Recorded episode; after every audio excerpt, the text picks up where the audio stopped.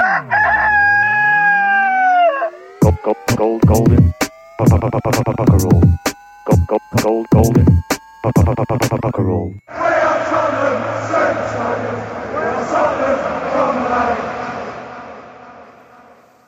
og velkommen til uh, fjerde sesong av Golden Cockerel, Tottenhams venner sin egen podkast. Som dere kanskje hører, så er ikke Hans Marius Jacobsen programleder i dag. Han er nemlig syk. Isteden er det meg, Petter Frydenlund, som er dagens vikar og rykker opp i ja, hva jeg kalle det ren Tim Sherwood-stil her jeg sitter. I dag skal vi snakke om eh, sommerens overgangsvindu og Tottenhams sesongstart. Mot slutten av sendingen kommer vi også til å spå hvordan sesongen ender for Tottenhams del. Med meg i panelet i dag har jeg to Tottenham-sportere og én ekspert på fransk fotball. Han kommer til å snakke om eh, flere av de franske spillerne som har vært i Tottenham, og ikke minst nysigneringen eh, Clinton NG. Så vi kan jo begynne med deg, kanskje Thomas Aune. Du har jo vært med i denne podkasten tidligere. Kjent fjes fra TV 2 sin Premier League-satsing. Mm, ja. Vært der litt, i hvert fall. Vært der litt. Vi så deg på Deadline Day. Ja.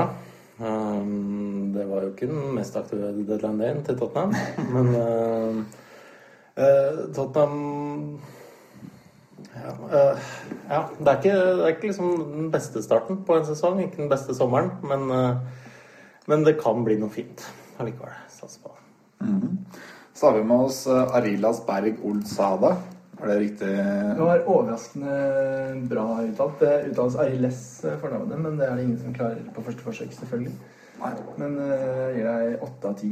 Ja, det er fransklæreren min fra videregående være glad for, tror jeg. Der fikk jeg ikke åtte av ti. Eh, Du er jo blogger om fransk fotball, annet skribent i det eminente fotballmagasinet Josimar. Og journalist i VG også, stemmer stemmer Jeg det? er litt overalt eh, om dagen. Student også. Så har vi med sistemann eh, her, Anders Aas. Ja, fra tida av ti. ja, takk. Der traff jeg i München under eh, den Audi-cupen i, i sommer. Eh, Du har bodd i England tidligere og fulgt Tottenham nøye. Jeg har også tidligere vært gjest i den svenske Tottenham-podkasten Deadly Kings kne. Det. Velkommen til deg. Takk for det. Vi kan jo begynne med å ta en eh, til dere Tottenham-supportere her, da. En opp, noen opptur fra den siste måneden? Ja, det mm, var en seier, da. Nå, på, på, nå i helga. Det er hyggelig. Endelig tre poeng. Og så eh, Det er jo Stallen har tynna seg ut ganske mye. Eh, Men det betyr jo på en måte at de må bruke litt egne unggutter. Og har vært mye sånn eh, ungt og engelsk på benken. Eh, Og nå også inne i elveren. Sånn, eh, Dele Alli har jo vært ganske gøyal å se på. Nesten vært det morsomste Tottenham har hatt å by på i år. Eh, Så jeg, jeg gleder meg til å følge utviklingen hans videre. Jeg har, litt, jeg har liksom litt tro på at han kan bli, eh, bli en fyr som blir værende i mange år, og, og gjør det bra. Anders, har du tatt med en opptur? eh? Ja, jeg syns jo målet mot Sunderland var en opptur. For det, det er vel sånn man ønsker å spille og se hvordan man ønsker det skal se ut. Og det er etter den eh, ganske traurige sesongstarten som har vært, så er det, ser det ut som det er i hvert fall et lite lys i tunnelen. Det var en opptur for meg at de skåret eh, det målet man ønsker å se. Man vinner kanskje litt av de der stygge seierne på en dårlig dag. For det er ikke så ofte Tottenham har gjort. Nei. eh, Jeg kan jo avslutte med meg selv. Jeg må jo innrømme at eh, den beskjeden jeg våkna opp til søndag morgen, var den aller beste. Nemlig at Adebayor var eh, løslatt fra alt som har med Tottenham å gjøre, i all mulig fremtid. Det at både han og flere andre av de på en måte daukjøttet fra, fra i fjor, at de er ute av klubben. Eh, Det har også versert litt rykter om at det har vært en del dårlige holdninger blant flere av de som er borte. Eh, Vi så jo den der garderobekonflikten fra i fjor med Det var vel Kabul, Kapo, Lennon og Adebayor.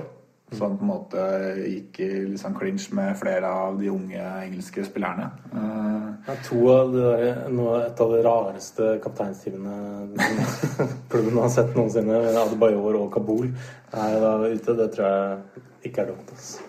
Nei, det tror jeg jeg tror Pochettino lurer på hva han tenkte på når han tok den avgjørelsen der. Jeg har for så vidt en Tottenham-nedtur, jeg òg. Det var jo at eh, Erik Lamela aldri ble Marseille-spiller. Han var eh, Ja. nesten bekrefta på deadline day, og så ble det ikke noe av. Eh, så det er jeg egentlig litt, litt bitter for, for jeg tror at han hadde blitt veldig artig i Marseille. Mye artigere enn han har vært i Tottenham. Kanskje sånn som han var i Roma. da. Det er kanskje litt likere kultur i Marseille. eh. Han, eh, han trenger et eller annet et eller annet nytt. Eh, Jeg hadde liksom litt tro på han for fjorårssesongen, og så bare blei det aldri helt det, det man liksom så litt sånn der små gnist av. Eh, Og nå virker det som mye av selvtilliten er borte igjen. Ja, Første sesongen var han jo mye skada, så da var det lettere å, måte, å tilgi ham for det. Men nå er han på en måte ikke like ung lenger, og man er nødt til å se, se at han gjør det han gjorde mot Sunderland nå sist, da, hvor han faktisk eh, avgjør med en, en glimrende assist. Nei, skal ikke gi den opp helt, altså. Det, det kan komme. Har du en eh, nedtur, Thomas?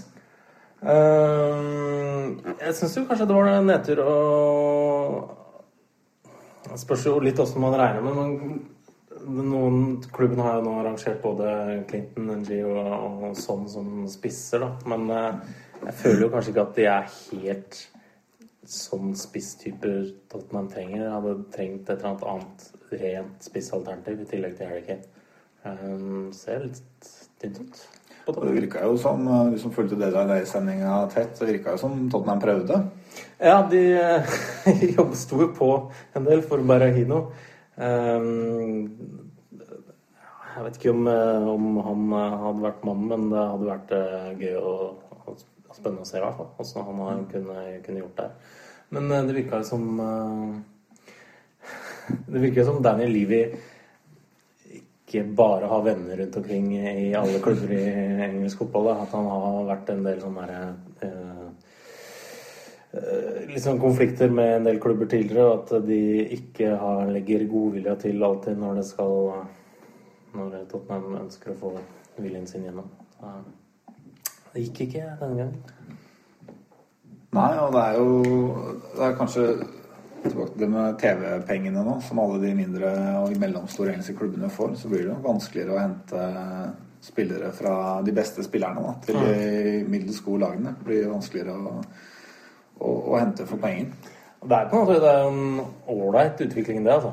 At uh, større klubber ikke bare kan kjøpe og hente absolutt hva de vil, og, og bare plukke og gjøre de dårlige lagene eller middels lagene dårligere. Men eh, allikevel, jeg hadde, hadde lyst på det. Hva med deg, Anders? Har du noen uh... Jeg syns jo det var en nedtur, og jeg satt jo og venta på at det skulle komme en spiss. Og mener at man trenger en spiss, og det skjedde jo, skjedde jo aldri. Samtidig så er det jo er Thomas innpå der. Jeg tror at eh, både i West Bromwich og Southampton får nok, sender ikke, nok ikke noe julekort til eh, Daniel Levy. Og overganger er ganske mye mer eh, vanskelig å få til og komplekse enn det det er på FM. Skuffende. Som man skulle tro. Man skulle tro. Um, jeg må jo si at jeg syns sesongstarten egentlig i stor grad uh, har vært uh, nedtur. nedtur. Um, spillemessig at det har vært eh, ganske så kjedelig å se på.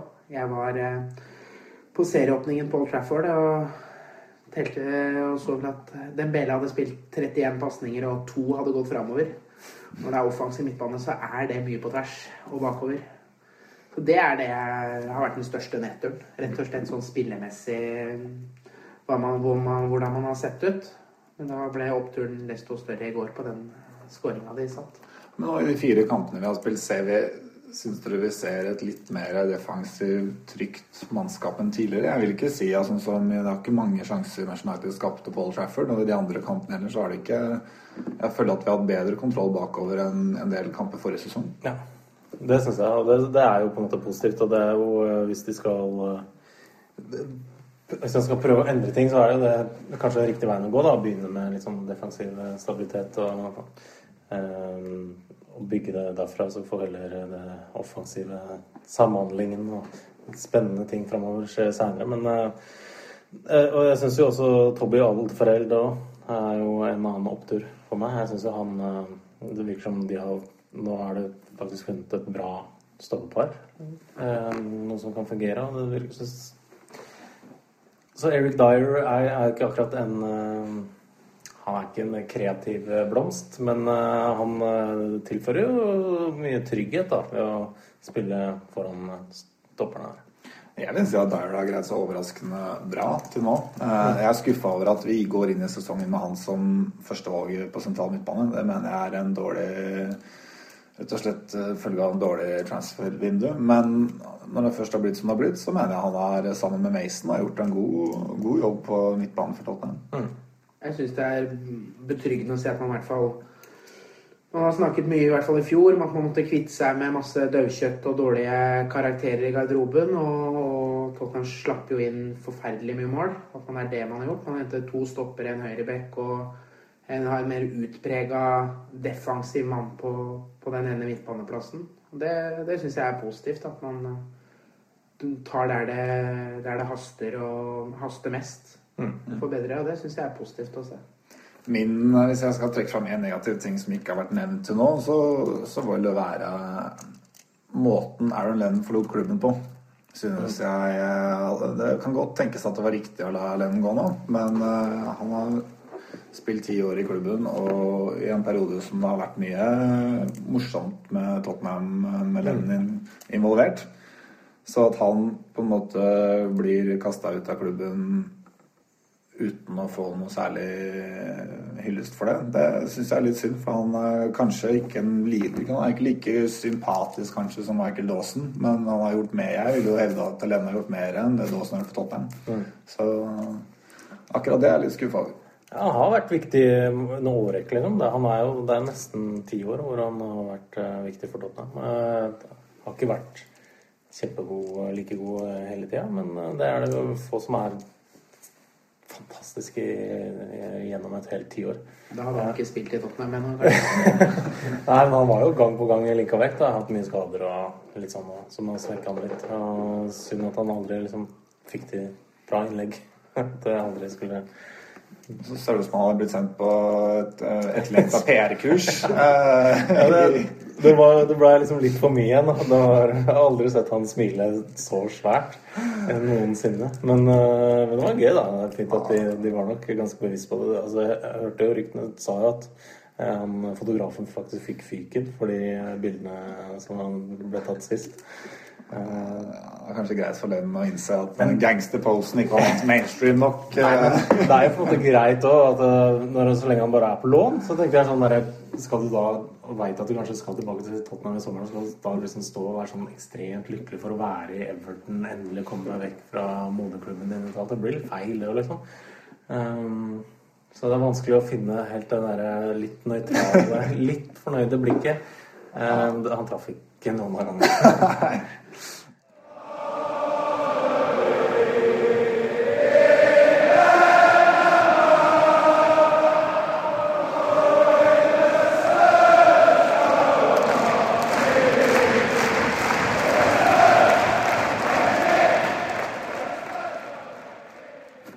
Da er vi over i neste punkt, som skal dreie seg om eh, litt mer om fransk fotball, som er grunnen til at vi har med oss eh, en, en ekspert på, på Frankrike og fransk fotball.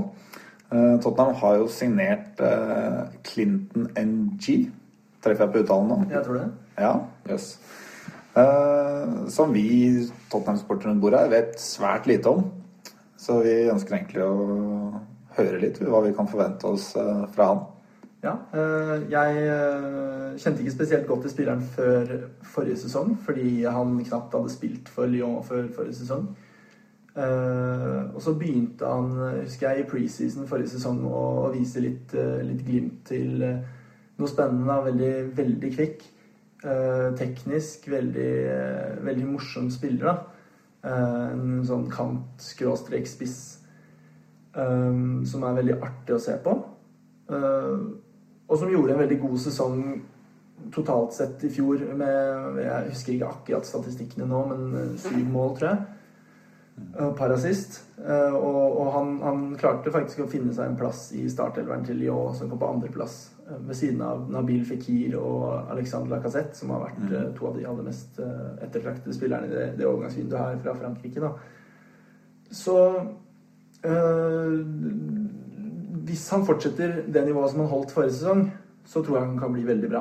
Eh, men så er det det at han har bare én sesong på toppnivå eh, hvor han har vært god.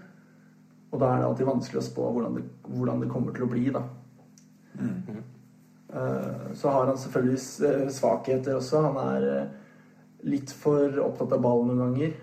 Han kan, han kan ta noen, noen ganske heftige dribler men så og tulle seg litt bort da, og ta den et steg for langt. Eh, Som kan være litt frustrerende. Han fikk en del kritikk eh, forrige sesong eh, i starten spesielt fordi han var litt, litt nonchalant. Litt sånn Rett og slett Han så ikke seriøs nok ut. da, Han så litt sånn tullete ut. Han var sånn der, litt lite effektiv i, i, i, i, fintene sine og i, det han drev med. Selv om, selv om han fikk til en del, og selv om mye, mye var morsomt å se på, så var det ikke så veldig effektivt. Han mangla litt sluttprodukt, men det tok seg veldig opp i løpet av sesongen. Og han, eh, han vokste veldig ettersom Lyon også vokste, da. Så det var totalt sett en, en sesong som kan til en viss grad rettferdiggjøre prisen hans, da. Selv om Ja, i hvert fall i det markedet. Hvordan, eller med tanke på hvordan markedet har blitt i dag, da. Er det en litt sånn Adel Tarap-type, eller er det noen andre spillere du heller vil sammenligne han med? Nei, hvis jeg skal sammen, eller Den klassiske sammenligningen er kanskje litt drøy nå, da, men det er jo Samuel to. Ettersom de er eh, fra samme land. Begge er ekstremt hurtige, og, og begge er eh, spisser. Eh, og, og han har skåret en del mål, men, men det er på en måte den. Det er den der eh, typiske sammenligningen som, sånn, sånn som man sammenligner Martial med Henry og, og diverse, da. Men, men det er vanskelig å si Han er ikke en tarabt. Det er den ekstreme eh, eksempelet på en spiller uten eh, fnugg av sluttprodukt, men mye moro, moroferdigheter. Eh, Så, så, så uh, lite effektiv er han absolutt ikke. Han er en spiller som, som absolutt kan uh, skåre mye mål, som kan levere varene, altså. Men vil du tippe at han altså, i Tottenham vil han passe best som spiss? En som spiss? Kan han være det, liksom? Eller er han mer en wing? Det er 4-2-3-1 Tottenham. Ja. Ja. Da vil jeg kanskje mm, tippe at en venstrekantposisjon i utgangspunktet er mer egna nå, da. Mm. Eh, han er ung, han har lite erfaring. Eh, han har aldri spilt i Champions League eller, eller eh, Europa League for den saks skyld. Jo, han har faktisk et par kamper, men, men ikke noe nevneverdig. Eh, så kanskje litt mindre press på venstrekant. Eh, litt tryggere å, å, gi han noen sjanser der. Og han har ferdigheter som gjør ham til en eh, potensielt veldig effektiv innbytter. Da. En veldig sånn super-sub-type. fordi han er veldig rask, han er gjennombruddshissig, han er kontringssterk spesielt. Eh, så han kan, han kan absolutt prege kamper i stor grad når, når de andre har litt eh, treigere ben og litt slitnere ben. Da. Hva, hva kan vi forvente av, personligheten hans? Vi har jo I Tottenham har vi hatt litt dårlig erfaring med en del franskmenn tidligere som har kommet til, eh, til England og gjort seg ofte upopulære på treningsfeltet med kommet litt i clinch med de engelske spillerne. Som vi har en del eksempler fra, fra forrige sesong. Hvordan, hvordan type er han? Eh, Det er vanskelig å bli kjent, ordentlig kjent med en spiller i løpet av et år, da, men, men han har spilt på et Lyon-lag hvor 80% er hjemmelagde. Hvor 80% av spillerne er, er fra byen.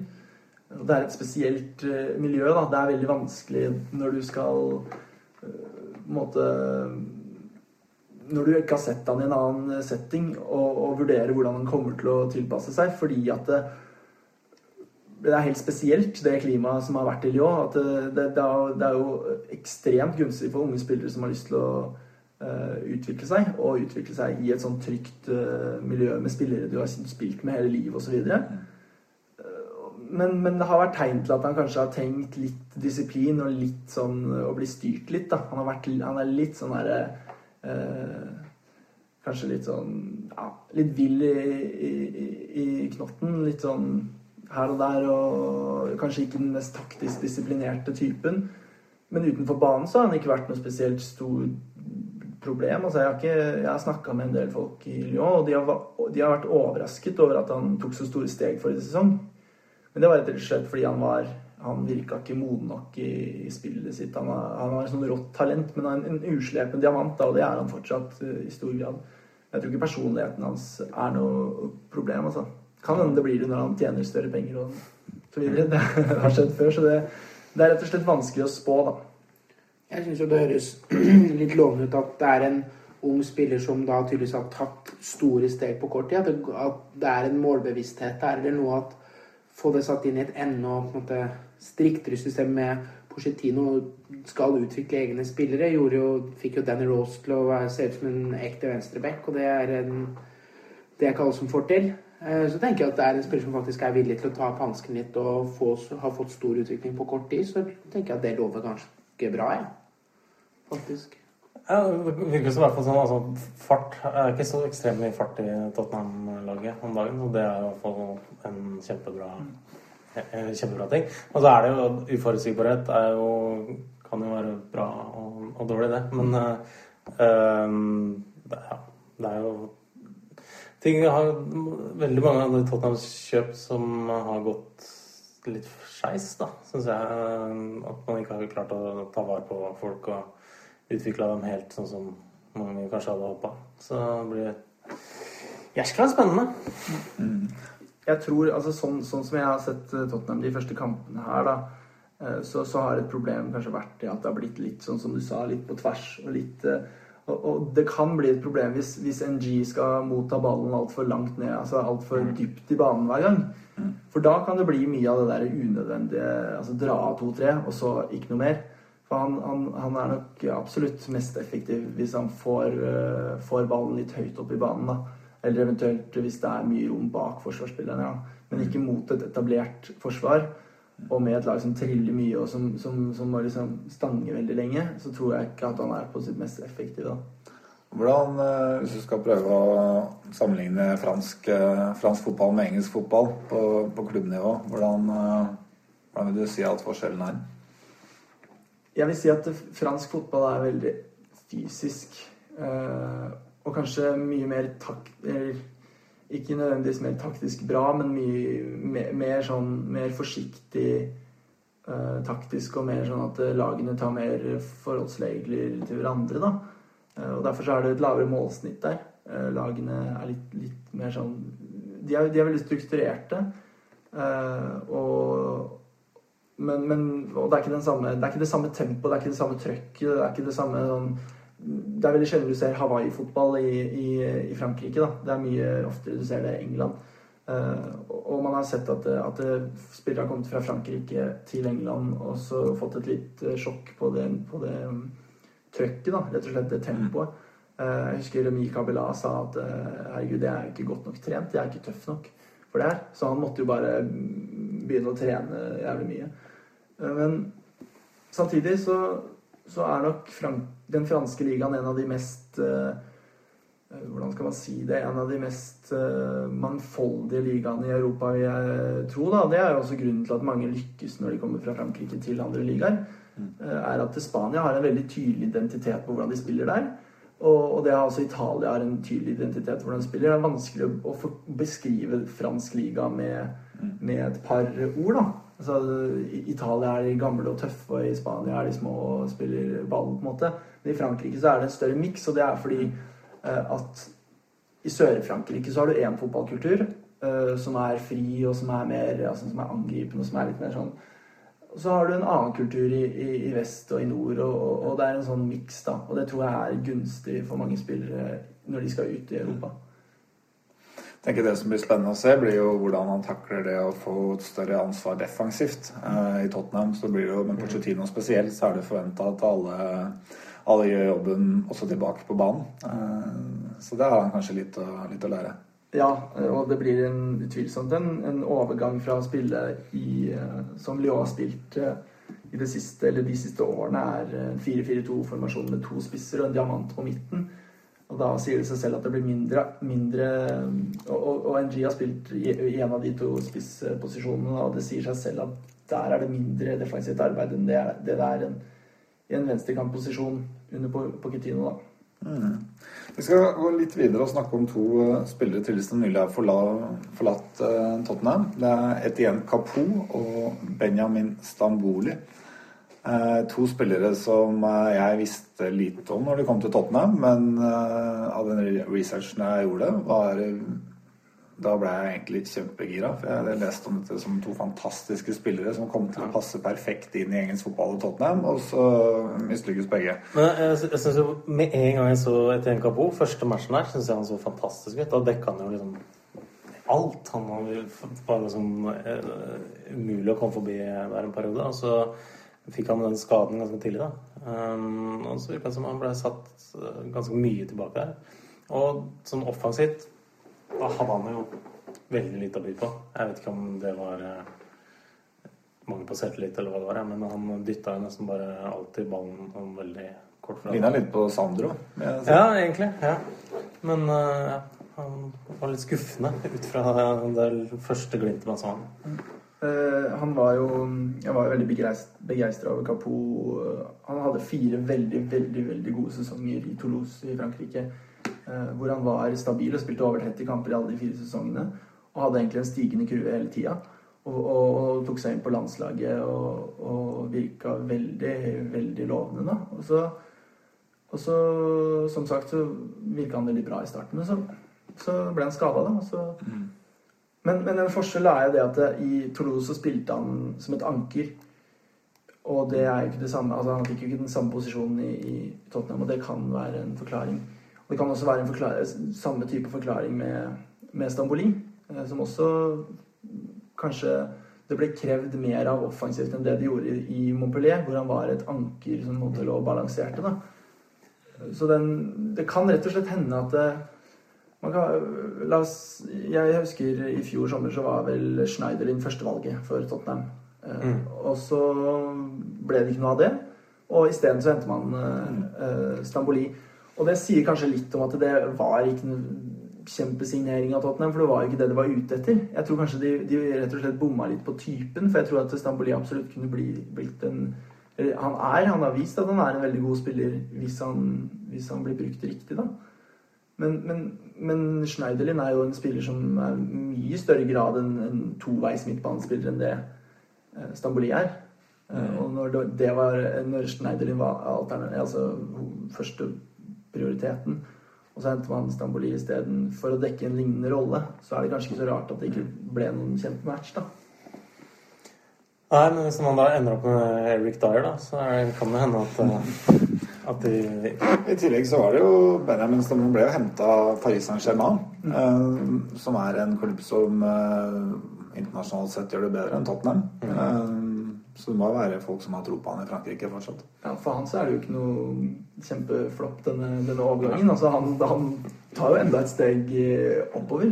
Eh, fra å sitte på benken i, Tottenham til å sitte på benken i Paris er jo faktisk et steg oppover. Eh, og det er jo det han gjør. Og for Paris så er det jo en god signering, fordi at for det første så har han bevist at han holder nivået i ligaen. Det gjorde han over flere sesonger.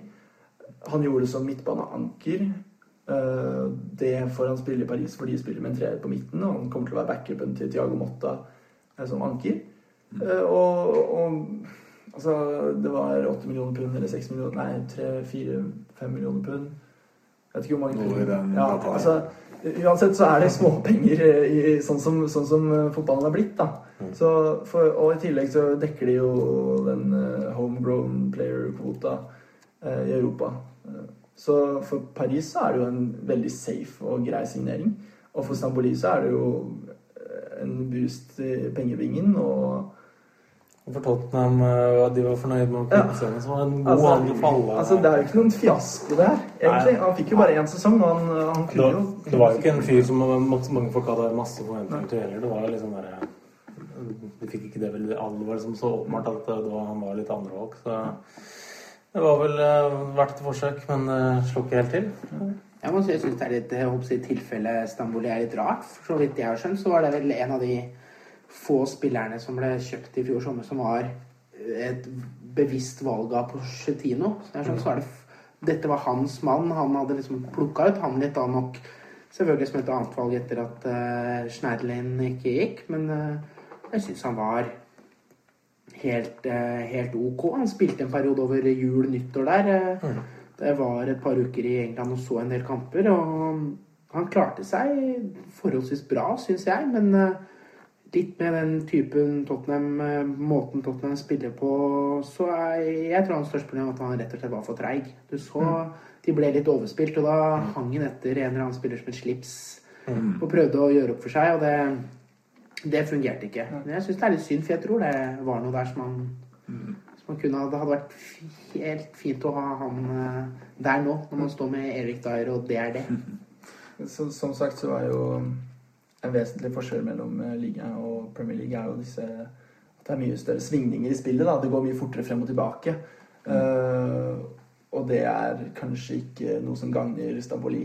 Fordi at i Mopelet så var han mer vant til å ligge, altså bli liggende og så dekke rommet eh, mer, mer etablert. da, Mens han nå må liksom fyke frem og tilbake. Og, og han har jo ikke noe kjempetempo.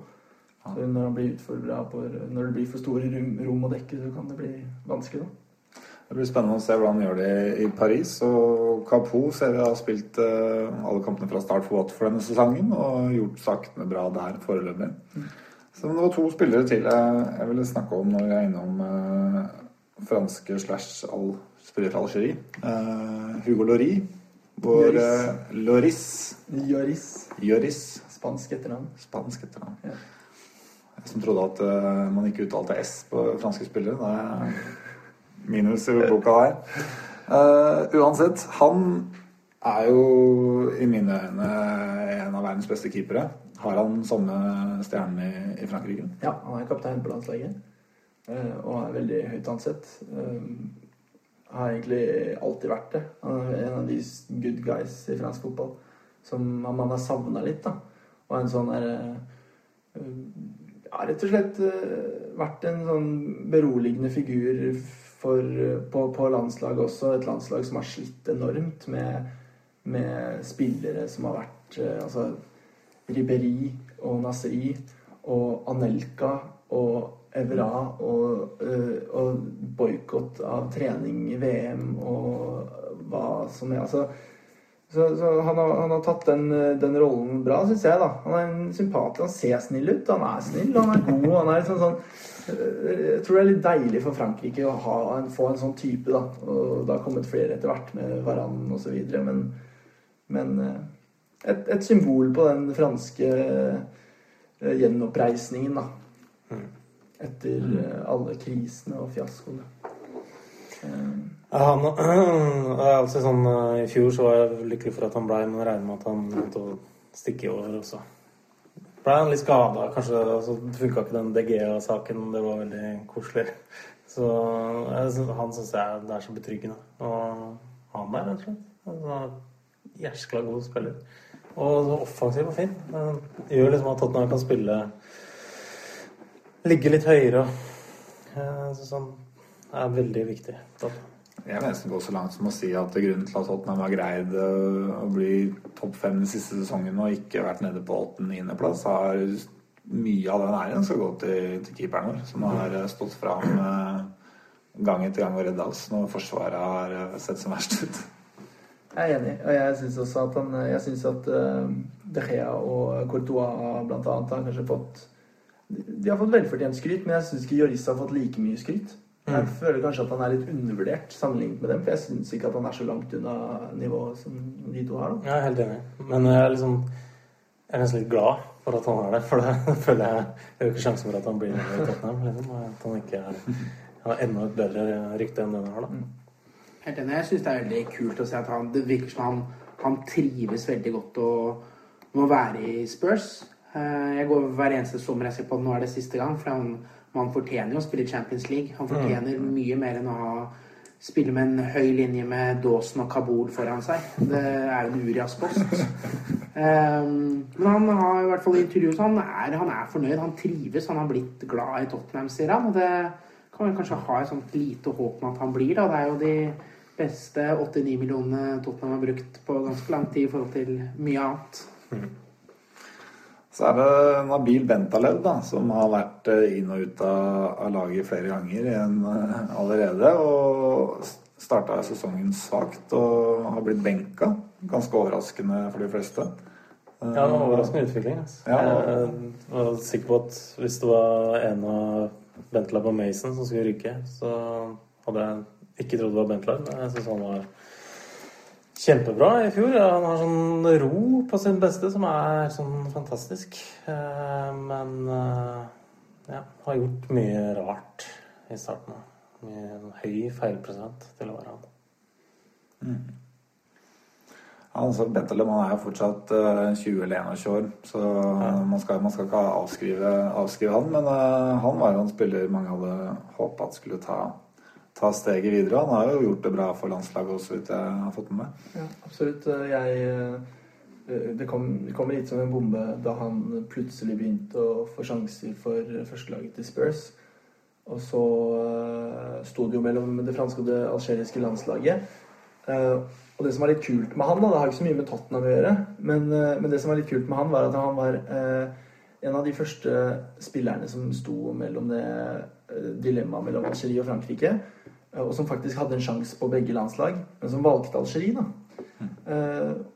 Og han var veldig god i VM, syns jeg. Han er, i motsetning til veldig mange andre spillere fra Algerie, faktisk ålreit taktisk. Og litt smart. Altså litt be beherska. Men samtidig så har han den nordafrikanske teknikken og elegansen og, og, og spesielt den personligheten da, som jeg liker veldig godt. Han har, han har en sånn enorm tilstedeværelse når han spiller. Eh, som er imponerende for en så ung spiller, da. Og så er det jo litt Det er nesten litt sånn Nå sitter vi og snakker om at eh, vi hadde trodd at han skulle slå igjennom eh, når det er spilt fem, fem runder av sesongen. Eh, og at det er snakk om en så ung spiller, da. Jeg, jeg, jeg har fortsatt tro på at han Ja. kan bli en, eh, en fantastisk spiller for Tottenham videre. Jeg syns han har vært eh, overraskende bra hele fjor. Eh, men så jeg hadde bare ikke helt sett den utviklingen. Men det kan jo bare være en formsvikt. for hva er det? Så det er jo Håper han kommer tilbake til fjorårsformen og kan utvikle seg videre. Det er tross alt en eh, spiller på som du sier, 20-21 år som har spilt VM, spilt afrikanske mesterskapet. Det er ikke mange Og en, egentlig en hel sesong og vel så det i, i Premier League. Ja, den alderen. og Det er det ikke mange av i, i verden. Jeg eh, personlig hadde jo kanskje likt å Hadde jo trodd at han egentlig skulle danke ut eh, Mason eh, i den rollen. Den mer box-to-box-spillerrollen. Og kunne egentlig likt å se han i den. Jeg tror han har kanskje enda mer å, å by på der enn eh, enn i den litt mer defensive rollen. Eh, Men det ser jo kanskje ikke ut som at det blir så mye av akkurat nå. Men eh, sesongen er lang.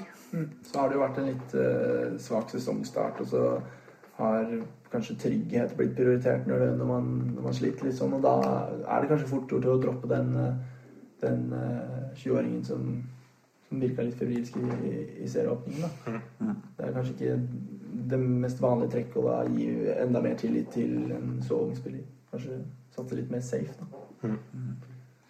Så har vi også henta en, eh, en sørkoreaner i overgangsvinduet. Eh, Hweng Min Son. Eh, vi spurte Eivind Bisgaard Sunde, som har tidligere, vært tidligere gjest i Golden Cockerel, og som er Bundesliga-ekspert hos Eurosport. Og han eh, mente at eh, dette var en veldig spennende signering Tottenham hadde gjort. At det var en spiller som var bevegelig, og som var god med begge bein. Og som, kunne, som både skårte mye og, og viste seg fram. Og han er jo fortsatt ung. Eh, og han viste seg også som veldig tilpasningsdyktig både i Leverkosen og Hamburg. Eh, hva syns vi om eh, debuten hans mot Sunderland? Ja, nå fikk ikke jeg sett så veldig mye av den kampen, dessverre. Men uh, jeg skjønte jo at det ikke var så imponerende. Men det, men det er jo kanskje som man kan må forvente. Det er en svær overgang. Ehm, og ja, han høres jo veldig spennende ut. Så jeg bare føler det er, liksom, det er en del ting som skal klaffe da, før uh, alt sitter der. Så ja, håper det går seg. Jeg syns han spilte vel en times tid omtrent, og jeg syns det er i hvert fall glimt å se at det er en, noen som har mye fotball i seg. Jeg syns måten han beveger seg på utmål, er litt sånn Øsil-aktig. At du, det er, den bare flyter litt overalt. Men det er jo en bra ting for Tottenham, tror jeg, i forhold til hvordan de vil spille. At man finner, finner finne rom og, og luker og motta ballen i. Og Så det, jeg syns det var helt, helt greit. Men det var ikke noe glitrende forestilling verken fra han eller eh, noen andre så mye. Nei, det jeg la merke til, eh, som jeg ikke visste at vi kom til å få, var eh, en god frisparkfot. Han slo to eh, frispark i første omgang, som var eh, glimrende. Fartongen burde kanskje hatt straffe i den ene situasjonen. Eh, Så det, nå som Eriksen var borte, så var det fint å få en annen der. Skal til slutt ta, ta med Eivind Biskasjune sin store nedtur med Tottenham-øyne, er Ismail Azawi. Eh, En unggutt på 16-17 år som har vært eh, et av de aller største talentene i Tottenham sitt akademi. Han signerte en femårskontrakt med Wolfsburg sånn helt ut av det blå. Tottenham har nok prøvd å beholde han, men eh, det kan tyde på at han, eh, han var fortsatt for ung til å signere langvarige profesjonelle kontrakter. Slik at eh, det kom nok et tilbud fra en klubb som var villig til å gi han en eh, kanskje litt fet femårskontrakt. Eh, og det var Tottenham ikke villig til på, på det nåværende tidspunkt. Så der har vi muligens mista en, en spennende fyr for framtida, som har imponert eh, Eivind veldig mye da, i ulike ungdomsmesterskap eh, som Eurosport har, har vist mye fra.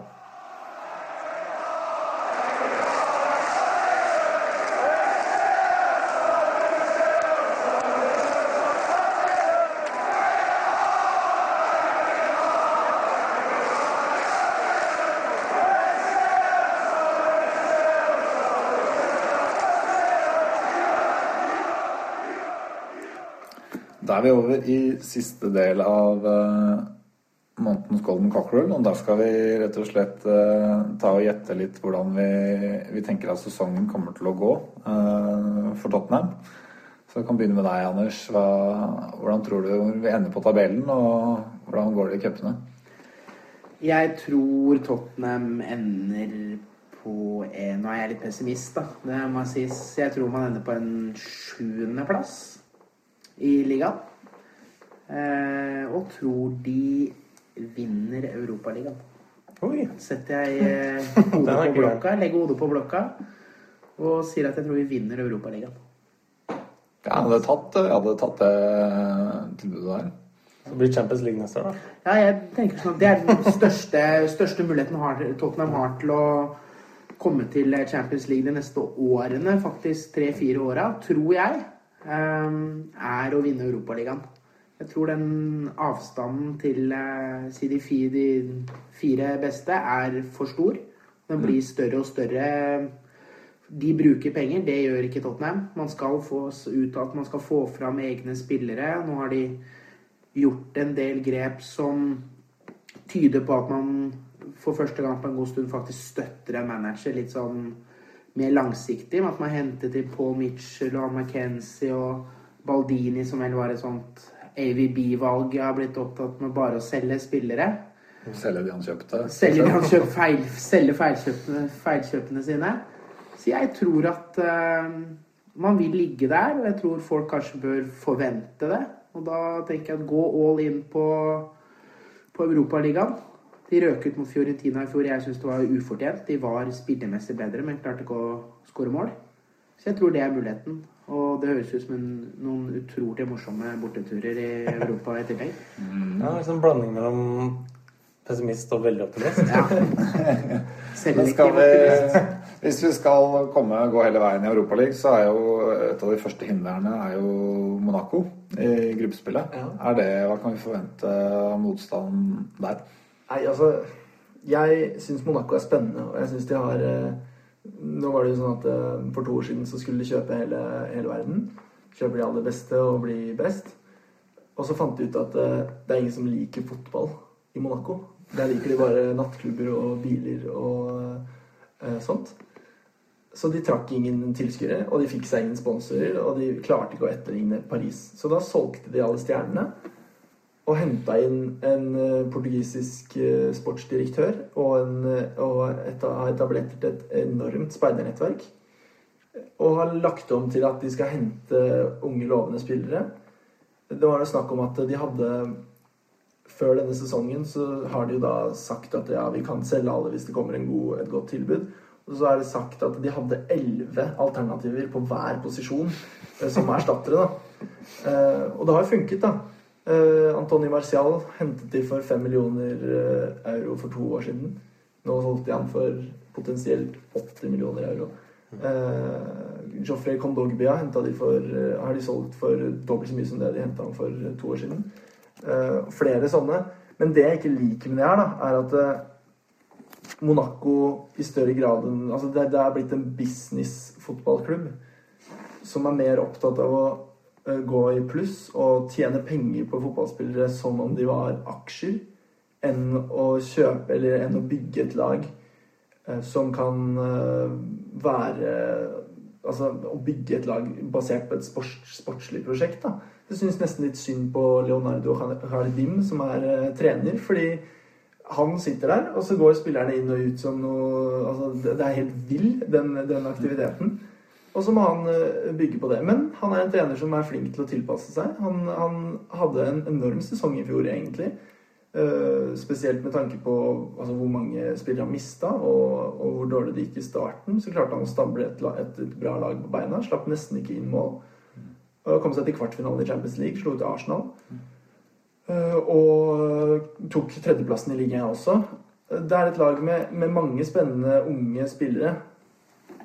Men som eh, kanskje Ja, jeg vet ikke. Altså, jeg tror de er bedre enn Tottenham. Akkurat Altså, det, det er ganske jevnt, tror jeg, mellom, mellom de to lagene. Men jeg tror at uh, Monaco bør være et av de bedre lagene i Europaligaen denne sesongen her. Eh, det er bare litt uvisst. De var jo tredjesida. eh, Kanskje litt ufortjent. Ja, det, det kan sies. De, var- men det er ikke lenge siden de lå var i andre divisjon i Frankrike. Men ja, det er vanskelig å si. Men, men med tanke på hvordan treneren deres klarte å uh, lime sammen et lag i fjor Når det var så mange som dro, så tror jeg han klarer det i år òg, for det har kommet inn veldig mye spenn. Så jeg tror det kan bli veldig morsomme kamper. Uh, jeg anbefaler ikke bortetur til Monaco pga. stemningen, men, men kanskje pga. At det er et kult lag, og at eh, man kan gjøre mye utenom sportslig. Ja, Thomas, hva, hva tenker du om eh, kommende sesongen? Um, ikke sånne ekstreme forventninger. Jeg tenker sånn eh, La unge Det blir litt sånn der, la unge gutter få sjansen, at lag får satsa litt mer. Ehm, sjette kanskje litt på vippen til å være enig med dem den sjuende. At eh, det fort kan være sånn havne bak Swansea, et eller annet sånt. Um, og så tror jeg dessverre kommer til å ryke ut av ligacupen ganske snart. Uh, Ja, Møter Arsenal på Ataklein 23.9. ja. Um, kanskje semi i FA-cupen. Mm. Er det, vil du si at det er en sesong Tottenham og kan være fornøyd med? Eller er det på en måte, for å stille på en annen måte, vil Danny Levy være fornøyd med, med managerens eh, resultater Altså, hvis det blir fasiten? Han har jo ikke vært så veldig sånn tålmodig til nå, men jeg tenker jo kanskje en gang må han vel tenke at nå må vi bare prøve litt, la ting utvikle seg. Uh, Porcetino er jo en fyr som har vært flink til å utvikle klubber, utvikle spillere og få de bedre over tid. Så jeg har jo håp om at han kanskje at de har en slags langtidsplan, og at uh, Tottenham kanskje er i en litt sånn der fase nå hvor de bare venter litt på å komme i gang på ordentlig med det nye stadionet. Eh, som uh, skal være 1000 mer plasser enn Arsenal. At det skal være liksom det som sørger for at Tottenham kan ordentlig være med å, å konkurrere. Da. Selv om jeg veit ikke hvor mye, hvor mye det egentlig har å si i den store sammenhengen. eh, hvor mye kampdaginntekter har i forhold til sånn eh, eh, TV-penger nå med de nye avtalene og alt sånt. Og det egentlig kanskje blir mindre og mindre viktig, da. Men jeg, jeg tror kanskje ikke den sesongen her uansett er den han bør for- forvente altfor mye av. Så får vi se om han Tror dere Pochettino er manager i Tottenham eh, om et år fra, fra i dag? Eh, Jeg tror det. Jeg tror det. Jeg, jeg har lyst til å si ja, men uh, jeg føler meg ikke, ikke helt trygg. Uh, over til spillere, spillerne våre. Er det noen, hvilke spillere er dere forventer mest av denne sesongen? Mm. Nei, jeg er spent på nytt nye, da. Jeg håper at uh, Christian Eriksen kommer tilbake. Harry Kane kommer ut i slag igjen. Og så har jeg Jeg bare syns altså, Alt jeg har sett av Alex Pritchard i Brentford i fjor Får så høye forventninger. Jeg håper liksom at han får sjansen, og har tro på at han kan gjøre det bra hvis han først får muligheten. Han spilte jo også kjempebra i det ungdomsmesterskapet i sommer for England. Så han ble, han ble riktignok skada, men han var jo banens beste sammen med Kane i, i de kampene jeg så der. Så jeg er enig med deg. Alice Pritchard har jeg kjempeforventninger til. Han tror jeg Hans store gjennombrudd tipper jeg kommer på torsdag i Europa League. Ja. Ja, jeg har eh, Jeg syns det har vært veldig spennende å se det man har sett av Dele Alli så langt. Han ser ut som han har gjort et virkelig varp der. At han har litt den eh, liksom fanden i voldskheten. At han vil bare gå, gå ut på banen og, og bare kjøre på. Og det er litt kult, de som er litt uredde og bare, bare gønner på. Og så syns jeg det er veldig viktig å se litt videre utvikling på de som man så utvikling på i fjor. Jeg sa det i stad, det å bare si at eh, Danny Rose ser ut som en eh, ekte back. Det er vel første gang. Og jeg syns han var en av Tottenhams beste spillere i fjor. Eh, og se den videre utviklingen, da, både på han, på Mason, på Bentaleb, på Kane. Det er mye der som bare kan bli bedre og bedre. Det er ikke veldig rart at eh, plutselig Ben Davies har begynt å spille venstreback. Uh, Dan Rose har jo imponert de aller fleste i, over lang tid. Så plutselig blir han benka nå uten at noen helt skjønner hvorfor. Han har slitt litt med skade nå i, rett før sesongstart, og, men så er han inne og spilt, og det er, ikke, det er ikke godt å si. Men det er jo litt også kanskje at Tottenham har forskjellige spilletyper til forskjellige motstandere. Du har egentlig en, en mer utpreget offensiv og en mer utpreget defensiv back på begge sider, sånn at man kan sette opp laget litt ut ifra motstander og, og spesielt kanskje tette igjen litt bakover, som har vært et stort problem. Og det er jo egentlig en styrke, den bredden man har fått defensivt, da, som man ikke har eh, hatt før. Ja, for det virker som det har vært litt prioritet, da. Å sikre det defensive. Og hvis man da kjører både Walker og Rose da, samtidig, så kan det jo fort være litt eks eksponert noen ganger. Men de er gøye, og- gøye framover. Men eh, det er noen eh, usikkerhetsmomenter. her bak her. Ja, det er mye hjerneblødning i, i det backparet der. Det er liksom du som liker litt sånn skråblikk på, på fotballen, eh, Thomas. Jeg må, Carl Walker må jo være den spilleren i Premier League som ser ut som han har lavest IQ. Med Rose som nummer to. Um, men jeg intervjuet Harry Kane en gang, og han hørtes ikke spesielt intelligent ut. liksom si. Eh, men eh, det virka som en neppe og hyggelig fyr, altså. Men eh, Tror du det er topp tre i Tottenham, eller sånn topp bunn, kall det hva man vil? ja, kanskje, altså. Lennon hadde jo, Aaron Lennon ble intervjua et av få intervjuer med han. Så ble han spurt om hvem som var den smarteste spilleren i klubben. da, Sånn den mest intelligente. Og da tenkte han lenge og kom fram til at det, det var rett og slett ingen. We were a pretty stupid team, actually. Det var jo oppsummeringa fra, fra Aaron Lennon, så det, det kan nok være noe der. Vi skal eh, avslutte her og få litt informasjon fra styret i Tottenhams Venner. Eh, Det er nemlig årsmøte i London førstkommende lørdag, altså 19.9. Da kommer Tottenham Hotspur Supporter Trust for å fortelle om eh, sin virksomhet, og journalist og Tottenham-supporter Lars Sivertsen skal holde foredrag. Så alt dette foregår på puben King Stores like ved Liverpool Street klokka sju nå lørdag 19.9. Så det er bare å ta turen dit. Eh, tusen takk til eh, Thomas Arillas og Anders for eh, mange gode innspill. Takk for god pizza. Bare hyggelig. Så ses vi igjen i Golden Cockerel neste måned. Ha det bra. Gold, gold, gold, golden. Pucker-roll. Gold, gold, gold, golden. Pucker-roll. We